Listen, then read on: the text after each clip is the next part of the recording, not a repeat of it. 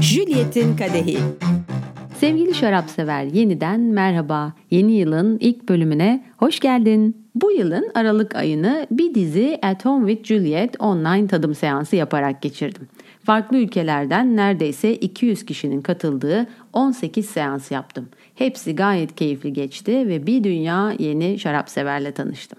Bazen aynı şirketten katılımcıların olduğu tadımlar oldu. Bazen birbirini hiç tanımayan insanların buluşup tanıştığı tadımlar oldu. Güzel sorular sordular. Birlikte çok güzel sohbetler yaptık. Velhasıl senenin son ayı benim için pek keyifli geçti. Bu senede hem genel katılıma açık hem de özel gruplar için At Home with Juliet'ler yapacağım. Ben de geleyim Juliet dersen bana bir mesaj göndermen yeterli. Gelelim bu yılın ilk bölümüne ve bu bölümde kadehimdeki şaraba. Bugün şarap dendiğinde adını duymaya hiç ama hiç alışık olmadığımız bir yerdeyiz.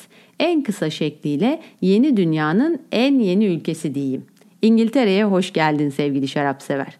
Aslına bakarsan İngiltere için kullandığım bu yeni dünyanın en yeni ülkesi ifadesi biraz yanıltıcı. Çünkü İngiliz şaraplarının geçmişi çok da kısa değil. Hatta doğrusunu istersen İngiltere'de şarap gayet uzunca bir süredir var ama İngiliz şaraplarının dünya sahnesine bu kadar görünür şekilde arıza endam edişi nispeten yenice. Biraz aktif pazarlama, biraz da küresel ısınma sayesinde birazdan konuşacağız.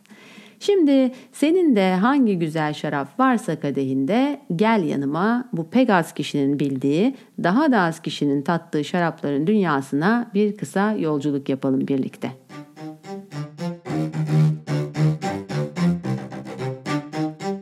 Şimdi bir kere kendimizi doğru yere sabitleyelim.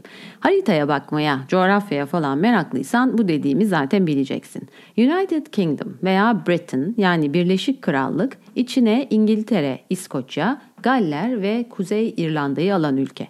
Bu bölümde İngiltere veya İngiliz dediğimde Birleşik Krallığın içinde England'dan söz ediyorum. Bu arada detaylara dalmadan önemli bir başlangıç notu vereyim. Zira bol bol İngiliz şaraplarından söz edeceğiz bu bölümde. British wine ve English wine aynı şey değil. Yüksek alkollü, üzüm konsantresiyle yapılan, kaliteli olmayan ucuz bir şarap çeşidi var. Ona British wine deniyor. Bu bölümde bizim konuşacağımızsa English wine. Şimdi yola devam edebiliriz. Dedim ya şarap üreten diğer ülkelerle kıyaslandığında İngiliz şarabı çok daha az biliniyor. Ve fakat şarap tüketimi dendiğinde İngiltere ilk akla gelen ülkelerden. Zira şarap sadece İngiltere'de değil tüm Birleşik Krallık'ta biradan sonra gelen ilk alkollü içki tercihi.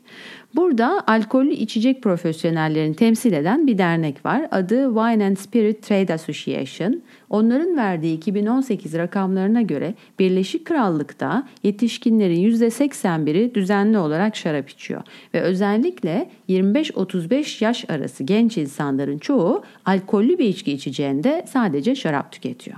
2018'de Birleşik Krallık genelinde Yıllık şarap tüketimi kişi başı 23 litreyle birçok ülkenin üzerinde. Mesela Güney Afrika'nın, Amerika'nın, Rusya'nın ve Kanada'nın üstünde. Bu arada merak ettiysen bu listenin başını kimler çekiyor diye hemen söyleyeyim. Aynı yıl yani 2018'de kişi başı tüketim rekoru 62 litreyle Portekiz'de. Onu kişi başı yıllık 50 litreyle seni pek şaşırtmayacak bir ülke Fransa, ardından da 44 litreyle yine sürpriz olmayan İtalya takip ediyor. Şarap denince de Birleşik Krallık'ta genellikle beyaz şarap tüketiliyor. Benim gözlemlerim de o yöndeydi. Bu bölümü hazırlarken rakamlara da bakınca teyit etmiş oldum. Ha unutmadan burada Prosecco da son derece popüler. Özellikle yazın neredeyse her barda Bottomless Prosecco adı altında kişi başı sabit bir fiyat karşılığında sınırsız Prosecco içebiliyorsun. İngiltere şarap tüketimi için büyük bir pazar dedik ama aslına bakarsan İngilizler de eskisi kadar çok içmiyor ve tüketim giderek azalıyor. Özellikle genç nesil sağlıklı yaşam trendlerini daha yakından takip ediyor ve miktar olarak daha az içiyor. Burada minik bir parantez açayım hemen. Bu sıralar dünyada yaygınlaşmaya başlayan bir trend var. No low diye. No kısmı no alkohol, low kısmı da low alkohol anlamına geliyor. Alkolsüz veya alkolü çok az olan içecekler anlamında. No low'lar pazara hızlı bir giriş yaptı ve son zamanlarda piyasada ciddi şekilde konuşulmaya başlandı. Nolo konusunda bir süredir makaleler, haberler, reklamlar dönüyor. Geçen ay Şehir Hikayeleri podcastine konuk oldum. Buradan şehir hikayelerinin yapımcısı ve sunucusu Ediposis'e selam verelim. Uzunca şarap konuştuk. Orada da bu Nolo trendinden bahsetmiştim kısaca. İngiltere bu pazarın potansiyeli yüksek ülkelerinden birisi. Hatta daha 15 gün kadar önce meşhur İngiliz cin markası Gordon's alkolsüz versiyonunu piyasaya sürdü ve bu alkolsüz bebek için şu sıralar ciddi bir reklam kampanyası yürütüyor. Vallahi billahi tadı da şahane diyorlar özellikle. Şarapta da bu Nolo meselesi biraz tartışma konusu. Çünkü sıfır veya sıfıra yakın alkollü şarap sadece iki teknikle yapılabiliyor. Ya reverse osmosis ya da vacuum distillation adı veriliyor bu iki tekniğe ve özellikle vacuum distillation'da uçan alkolle birlikte şarabın aromaları da büyük zarar görüyor. Ha bu arada sen ne düşünüyorsun bu konuda Juliet'cim dersen ben az öz içip iyi bir şarapın keyfini çıkarmayı tercih ederim. Söz tüketimden açılmışken benim burada sevdiğim uygulamalardan birisinden söz edeyim. Ki bu Avrupa'da, Avustralya'da da olan bir uygulama. Belki sen de denk gelmişsindir. İngiltere'de bazı restoranların önünden geçerken BYOB diye bir ibare görüyorsun. Anlamı restoranına göre değişiyor. Bring your own bottle, bring your own booze, bring your own beer veya bring your own beverage olabiliyor. Beverage dediklerine bakma. Sadece alkollü içeceklerden söz ediyoruz. Ticari olarak gayet anlaşabilir neden nedenlerden soft drinkler bu konunun dışında tutuluyor. Neden yapıyorlar restoranlar bunu? Mesela bazılarının alkol lisansı yok veya tam lisans alma aşamasında veya lisans almayı istemiyor. O nedenle de yemeğinin yanında şarap veya bira içmek isteyen müşterilerine bir güzellik yapıyorlar. Alkol lisansı olanların bazıları da BYOB yapabiliyor zaman zaman. Benim hoşuma giden güzel bir yemek yerken kendi kavımdan hoş bir şarabı restoranda o yemekle birlikte tatma fırsatı vermesi. Bazı müşteriler için maliyeti de düşüren bir uygulama. Çünkü çoğu restoran şişe açma ücreti olarak pek bir şey almıyor veya çok sembolik bir miktar alıyor.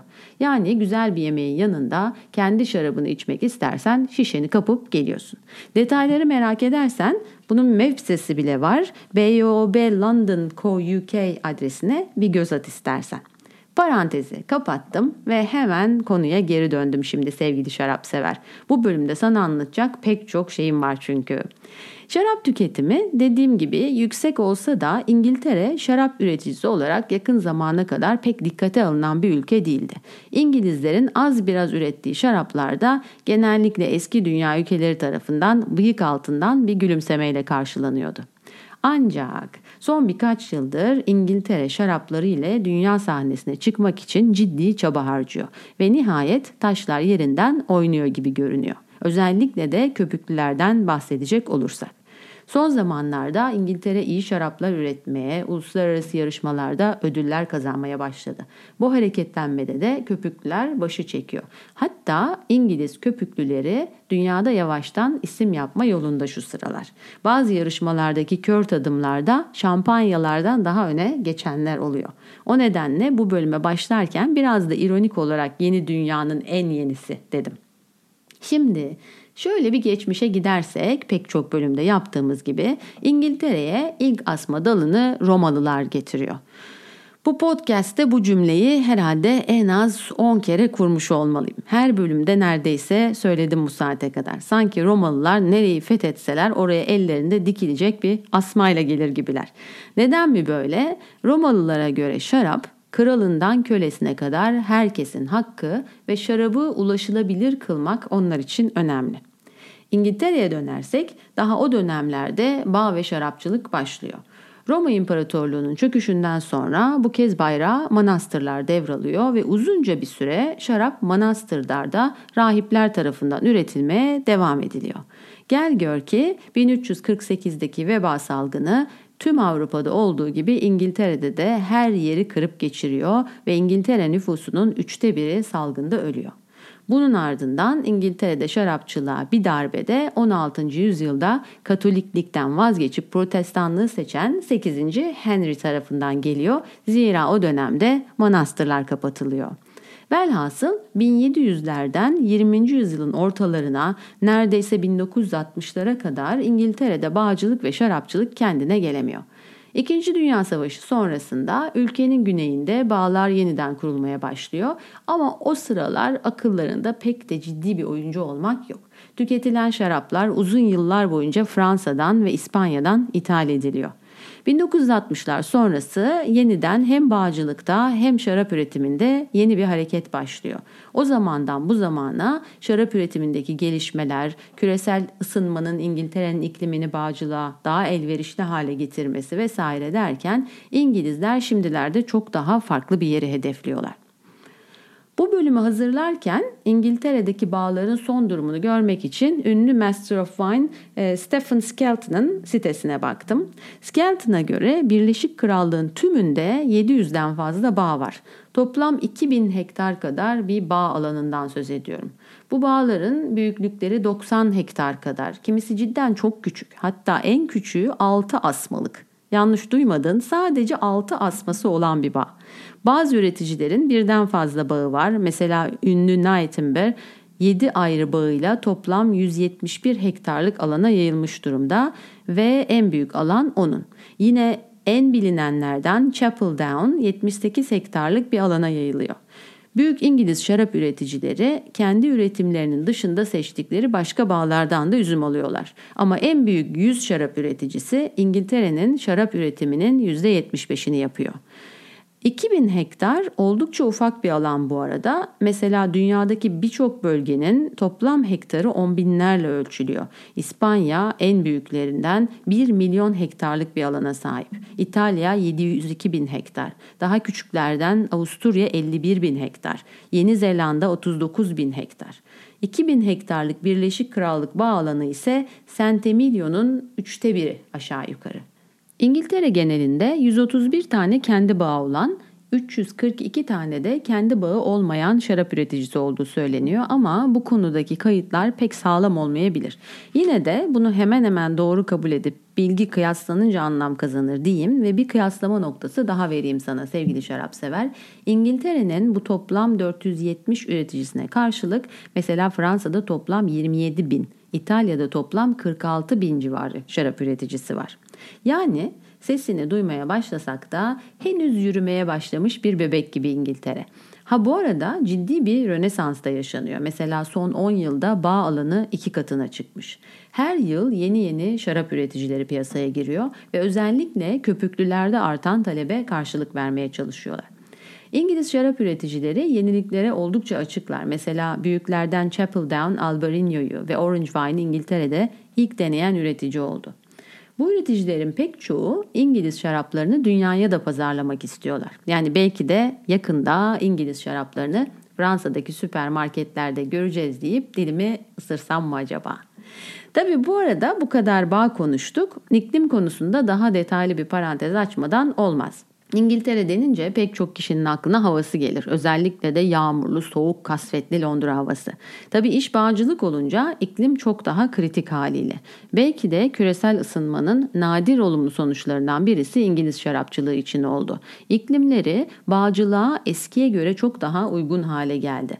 Eskiden asmalardaki üzümlerin soğuktan bir türlü olgunlaşmadığı bu topraklar şimdilerde bu konuda daha az sorun yaşıyor. Ama tahmin edeceğin gibi tahmin edilemez yönde yönde ulaşabilecek en ufak bir değişiklik bağlarda ciddi hasara sebep olabiliyor. Tabii ki hastalıklara ve kök sorunlarına da daha açık bir coğrafya burası. Zaman zaman mevsim o kadar serin geçiyor ki olgunlaşma sorunları hala ortaya çıkıyor. 2012 mesela çok zor bir sene olmuş bağcılar için ve verim müthiş düşük gerçekleşmiş. Yani küresel ısınma İngilizlerin işine yaramış gibi görünüyor olsa da İngiltere'de bağcılığın uzun dönemdeki geleceğini önümüzdeki 10 yıllardaki hava şartları belirleyecek. 2020'de mesela bağ bozumu nispeten erken başladı ve kalitenin iyi olduğu söyleniyor. 2020 itibarıyla Birleşik Krallık'ta yaklaşık yıllık 5,5 milyon şişe şarap üretiliyor. Bu rakam İngiltere ve Galler'in toplamı. Jancis Robinson'a göre bu rakam 2018'in %70 üstünde. Bu üretimin %65'ini köpüklü şaraplar oluşturuyor. Dediğim gibi iyi kalite köpüklüler üretiliyorlar ve yavaştan isim yapmaya başladılar. Mesela 2015'te İngiliz köpükleri Dekanter Şarap Ödülü'nden tam 130 madalyayla döndüler. Bununla bitmedi. Aynı sene yanına bir de International Wine Challenge'da aldıkları bir düzine altın madalyayı iliştirdiler. Hatta kulağına şunu da fısıldamış olayım. Şampanya seven biriysen şampanyaya en yakın örneklerden birini İngiliz köpüklülerinde bulacaksın. Zira İngiliz köpüklüleri de tradisyonel metotla ve şampanyada kullanılan üzümler olan Chardonnay, Pinot Noir ve Pinot Meunier'den yapılıyor. Bununla da bitmiyor. Terroir açısından da büyük benzerlikler var iki bölge arasında. Bağlarda ne var dersen burada en fazla göreceğin üzümlerden birisi Alman melezi bir beyaz üzüm olan Baküs. Baküs aslında pek de yabancı değil. Silvaner, Riesling ve Müller-Thurgau melezi ve ilk olarak 1930'lu yıllarda Almanya'da üretilmiş. Baküs aromatik bir üzüm ama asiditesi yüksek değil. O nedenle de genellikle kupajlarda kullanılıyor. Ha Baküs demişken Bolny adında bir üreticinin harika bir Baküsü var Lynchgate. Bulursan denemeye değer. Birazdan bölgeleri anlatırken detay vereceğim ama Baküs dışında çokça Chardonnay, Pinot Noir var mesela. Köpüklüler ve beyaz şaraplar İngiltere'de iyi gidiyor dedim. Yavaştan kırmızılar da sahneye girmeye başladı ama bence sanki onların biraz daha zamana ihtiyacı var gibi. Şimdi Birleşik Krallığın haritasını şöyle bir gözünün önüne getir sevgili şarap sever. Zihninde Londra'yı bir bul haritada ve İngiltere'nin şarap bölgelerine hızlıca bir göz atalım birlikte. İngiltere'nin güney kesimlerinde hava daha sıcak ve daha az yağış var. O nedenle de İngiliz bağları burada. Temel olarak iki ana bölge var. Londra'nın kuzeydoğusunda kalan ve karşı kıyısındaki Amsterdam'ı seyreden East Anglia ve Londra'nın tam güneyinde yer alan Surrey, Kent, Sussex üçlüsüyle onların azıcık doğusundaki Hampshire. Kent, Sussex ve Hampshire İngiltere'nin güney sahilleri. Kent mutlu mutlu Fransa'nın kuzeybatı ucunu seyrediyor denizin üstünden. Surrey de onların hemen üstünde. Hangi bölge başı çekiyor dersen Sussex, Surrey ve Kent üçlüsü derim. Çünkü diğer bölgeler nispeten daha küçük bölgeler. Gel hızlı bir tur atalım şimdi bölge bölge kuzeydeki East Anglia'dan başlayarak üzümlü bağlı yamaçlısından. East Anglia İngiltere'nin en kuru ve en çok güneş alan yerlerinden birisi. Özellikle güneye bakan yamaçları tahmin edeceğin gibi çok kıymetli. Toprak da iyi, killi, kumlu toprakları var bölgenin. Serin iklimde yetişmeye uygun üzümler için East Anglia biçilmiş kaftan. Burada özellikle Baküs var. Zaten İngiltere'nin Baküs üretiminin yarısından fazlası bu bölgeden geliyor. Bağcılar Pinot Noir ve Chardonnay ile de denemeler yapıyor. İklim uygun, ümit var. Daha az olsa da asmalarda Solaris, Madeleine Angevin, Reichensteiner, Schönburger ve Pinot Blanc da var. Hem uluslararası hem de ulusal yarışmalarda East Anglia aromatik şaraplarıyla bol bol ödül topluyor. Hemen aşağı iniyorum. Kıyıya göre daha içerlik bir bölge olan Surrey'de bir soluklanalım şimdi. Londra'nın tam dibindeyiz. Surrey, serin iklimde yetişen üzümler için çok ideal bir bölge ve üzüm çeşitleriyle Fransa'nın şampanyına göz kırpıyor. Burada Chardonnay, Pinot Meunier ve Pinot Noir bol.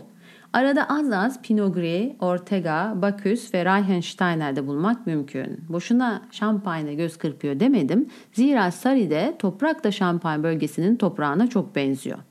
Burada güneye bakan yamaçlar kireçli topraklar, içlerinde sık sık fosilleşmiş deniz canlılarına rastlanıyor. Sarı'dan gayet kaliteli, asidi yüksek, mineralli köpükler gelmesinin nedeni de işte bu iklim ve toprak. Normal şartlarında burunlarından kıl aldırmayan şampanya üreticileri Sarı'ya bu nedenden dolayı pek bir ilgi duyuyor. Hatta şampanya bölgesinin önemli üreticilerinden Pommery burada Hathengay Valley ile bir ortaklık kurmuş. Bu da bölgenin potansiyeli için bir sinyal. Sarı'nın önemli bir özelliği var. Ülkenin en önemli 5 üreticisine ev sahipliği yapıyor. Bu beşli Vineyards of Surrey Hills diye anılıyor ki bu bölümün konuğu Albury'de bu beşliden bir tanesi. Burayı gezersen bir gün uğranacak bir başka yerde Danby's Vineyard ki kendileri Birleşik Krallığın en büyük üreticisi keşfetmeye değer. Kıyıya doğru inersek doğuda en doğuda Kent var. Az önce dediğim gibi İngiltere şarapçılığında Kent, Surrey, Sussex önemli. Denizin üstünden Fransa'yı seyreden kente aynı zamanda İngiltere'nin bahçesi derler. Çünkü ülkenin meyve bahçelerinin pek çoğu burada. Kentte 50 bağ var. İleri gelen birçok şarap üreticisi burada. Mesela İngiltere'nin en ünlülerinden Chapel Down Kentli. Kent de İngiltere'nin geri kalanına göre daha ılıman bir iklime sahip. Bu açıdan ekime, dikime ve bağcılığa çok uygun. Güneye bakan yamaçları gayet güzel güneş ışığı ve ısısı alıyor. Topraklarında da kireç ve kireç taşı çok yoğun. Küresel ısınma bu kadar belirgin sonuçlar vermeden önce kentteki bağlarda daha çok Reichensteiner ve Huxley varmış. Şimdilerde daha çok Baküs ve Ortega var. Yanında Chardonnay, Pinot Noir ve Pinot Meunier ile birlikte. Sarı'da olanın bir benzeri burada da olmuş ve Fransızların ünlü şampanya markalarından Tétanger'de potansiyeli görüp ta 2015'te ciddi bir yatırım yapmış bölgeye. Kentten gelen şaraplar özellikle de köpüklüler çok hoş. Şimdi kıyıyı takip ederek kentten az biraz güneybatıya dönelim ve Sussex'e bakalım. Sussex harika manzaraları olan bir bölge ve adanın en güneşli ve en sıcak yeri. Diğer bölgelere göre de çok daha az yağış alıyor.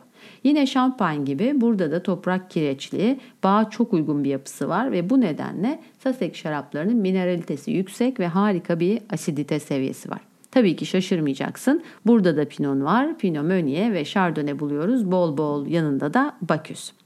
Bu arada Sussex PDO statüsü alan ilk İngiliz bölgesi ve İngiltere'de en çok bağın bulunduğu bölge. Neredeyse tüm ülkenin şarap üretiminin dörtte biri Sussex'ten geliyor. 30 farklı üretici 700 hektardan fazla bağ alanı var. Buranın da ünlüsü Ridgeview ki özellikle beyazları son derece lezzetli. Turumuzu tamamlamadan önce son olarak bir de Hampshire'e gidelim ve İngiltere bağ böylece bitirelim. Hampshire İngiltere'nin deniz kıyısı otelleriyle bilinen bir sahil kasabası. Aynı zamanda 1952 yılında kurulmuş ilk modern bağında ilk ev sahipliğini yapıyor. Burası da asiditesi yüksek, mineralli, çok güzel köpüklüler ve hoş beyazlar üretiyor ve pek çok ödüllü üreticisi var. İşte böyle İngiltere'nin bağları, yamaçları sevgili şarap sever. Genel olarak İngiliz şarabının kendine has bir karakteri var. Her yerin olduğu gibi. Ferah ve serinletici İngiliz şarapları. İklimin ve toprağın getirdiği bunca özellik sayesinde çıtır çıtır şaraplar geliyor buradan. 2000 hektarda bol potansiyel var. Bakalım zaman İngiltere'yi şarap dünyasında nereye konumlayacak? Hep birlikte takip edeceğiz. Artık ben yavaş yavaş rotayı Albury'e çevireyim. Ne dersin? Gerisin geri Sarı'ya gidelim ve Albury'nin o güzel bağlarında bir duralım. Bakalım neler var. Albury her şeyden önce bir tutku öyküsü çünkü ardında yıllarını kurumsal hayatta geçirmiş ve sonrasında şarap tutkusunun izinden giderek bambaşka bir dünyaya geçiş yapmış bir yönetici var. Bu kez yıllarca süren profesyonel IT kariyerinin ardından şarap dünyasına direksiyon kıran bir yöneticiden söz ediyoruz. Nick Wenman. Yıllardır şarabı amatör düzeyde merakı olan Nick sonunda bir an geliyor ve yeter artık bu IT işleri ben sevdiğim işi yapayım şu fani dünyada diyerek IT yöneticisi koltuğundan kalkıveriyor. 2006'da emekli oluyor ve ver elini bağlar. Hayalinde bir bağ sahibi olmak var bir de düşüncesi. Diyor ki iyi şarap yapmak için organik ve biyodinamik şarapçılık gerekiyor. Nihayet 2008'de düşlerini süsleyen bağ kuruyor. Yanına da İngiltere'de az sayıda olan kadın bağ yöneticilerinden Alex Valsecki'yi alıyor ve işe koyuluyor. Alex'i kadın bağcı falan diye kısaca geçmek istemem. Zira onun çok ötesinde marifetleri var. 1996'da Milano Üniversitesi'nde botanik doktorası yapmış. Sonrasında senelerce İtalya'da ve Yeni Zelanda'da bağlarda çalışmış. Ardından İngiltere'ye dönmüş ve Royal Horticultural Society'nin ünlü bahçelerinden Weasley'de çalışmaya başlamış. Ben Weasley'i geçen sene gezdim. Hayran olmamak mümkün değil. Biblo gibi bir ortam. Her yeri ayrı güzel. Alex Weasley'nin fide, bahçe, deneysel meyveler alanlarında çalışmakla kalmamış bir de bağ kurmuş orada. Albury kurulduğundan beri bir aile işletmesi. Nick Bağ'ın yakınında bir kasabada yaşıyor. Kızı Lucy de bizzat işin içinde. Şimdilerde sık sık bağ ziyaret eden torun Poppy için de bana sorarsan kader ağlarını yavaş yavaş örüyor. Albury'nin bağları Surrey Hills'lerden North Downs'ın güneye bakan yamaçlarına kurulmuş. Harika bir Surrey kasabası olan Guildford'a da çok yakınlar. Az önce saydığım pek çok üretici gibi Chardonnay, Pinot Noir ve Pinot Meunier yetiştiriyorlar. Biraz da Pinot Gris bar bağlarında. Bağların tamamı organik prensiplere göre kurulmuş ve kendilerini en iyi İngiliz şaraplarını üretmek gibi bir hedef belirlemişler. Dedim ya Nick iyi bir de winemaker aramış bu işlere girerken diye Albury'nin winemaker'ı Mathieu Elzinga. Mathieu Sarri'nin en iyilerinden. Aynı zamanda Litmus Wines'da da çalışıyor. Ama geçmişi de çok sağlam. Hatta diyebilirim ki kanında şarap var. Zira Mathieu Loire Vadisi'nde kendi aile bağlarında çekirdekten yetişmiş. Az önce bu bölümü hazırlarken İngiltere'de şarapçılık konusunda en önde gelen isimlerden Stephen Skelton'ın sitesine baktım demiştim. İşte aynı Stephen Skelton ki kendisi bir Master of Wine, Albury'nin danışmanı. Yani marka süper emin ellerde. Stephen Skelton 1975'ten bu yana şarap dünyasının içinde. Ünlü Alman Bağcılık ve Şarap Okulu Geisenheim'dan mezun. 77'de İngiltere'ye dönüyor ve kentte bağlar kurmaya başlıyor. Sonra İngiltere'nin en büyük şaraphanesi Lumberhurst'un genel müdürlüğünü yapıyor birkaç yıl. 40 yıldır İngiliz şarapçılığının en bilinen isimlerinden ve halen birçok bağ ve şaraphaneye danışmanlık veriyor, yazıyor, çiziyor. İngiltere'deki bağlar konusunda detaylı rehberler yayınlıyor. Hatta 2001 yılında The Wines of Britain and Ireland adlı kitabıyla Andre Simon ödülünü kazandı. Stephen'ın diğer İngiliz Master of Wine'lardan farkı ise bağcılık danışmanlığı veren tek Master of Wine olması. Şimdilerde bir de Wine GB isimli oluşumun başında. Güvenilir bir ismi ve özellikle de İngiliz şaraplarını takip etmek istersen Stephen bence kesinlikle izlemek gereken bir isim.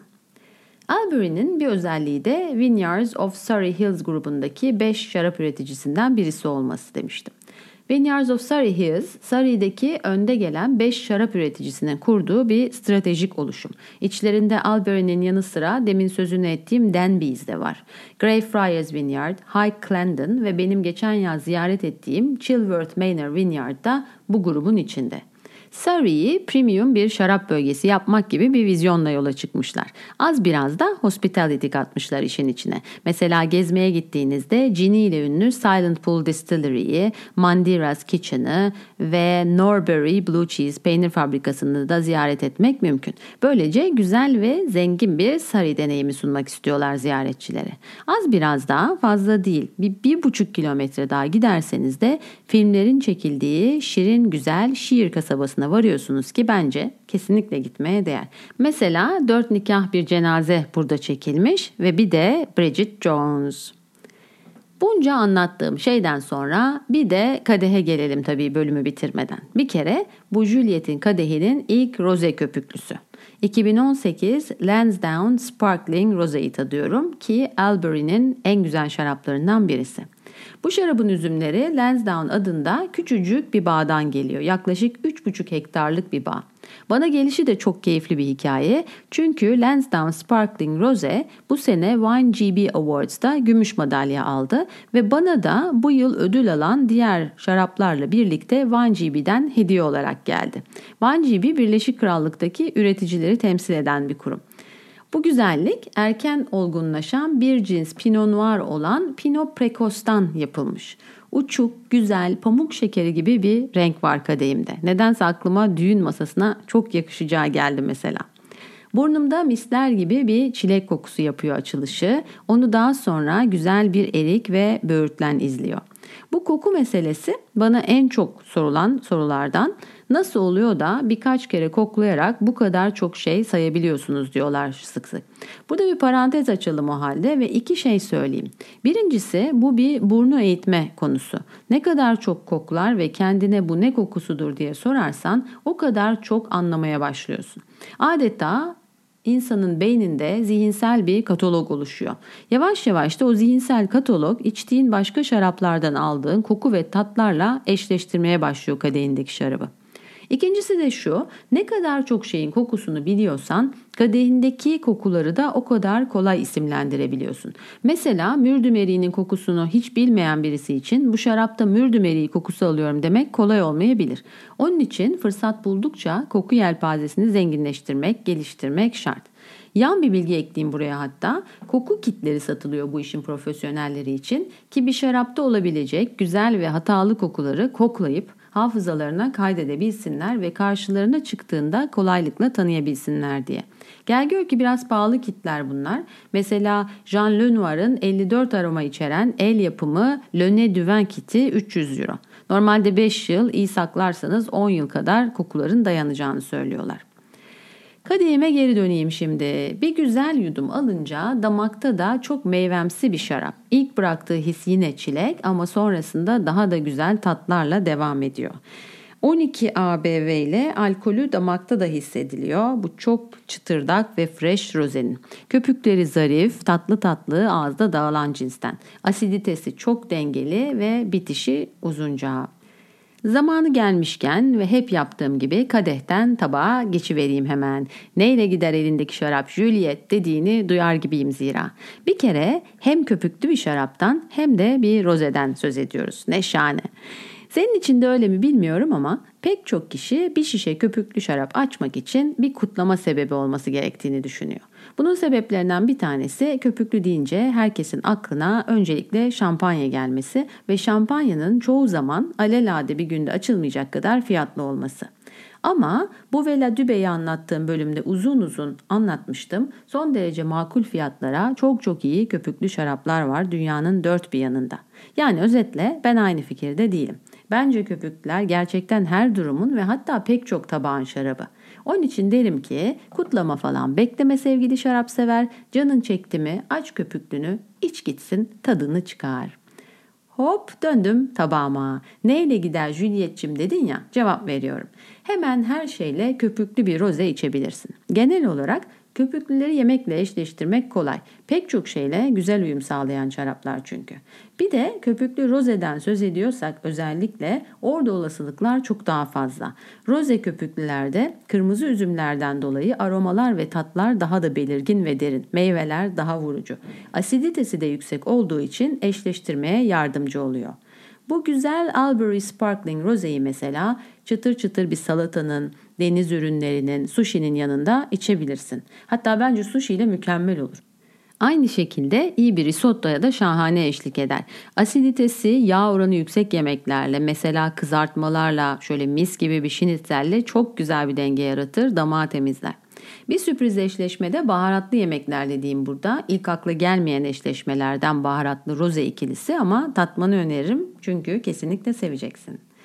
Bugün Juliet'in kadehinde Albury'nin 2018 Lansdowne Sparkling Rosesi vardı. Bağından yamacına, üzümünden bağcısına bu nefis şarabı konuştuk.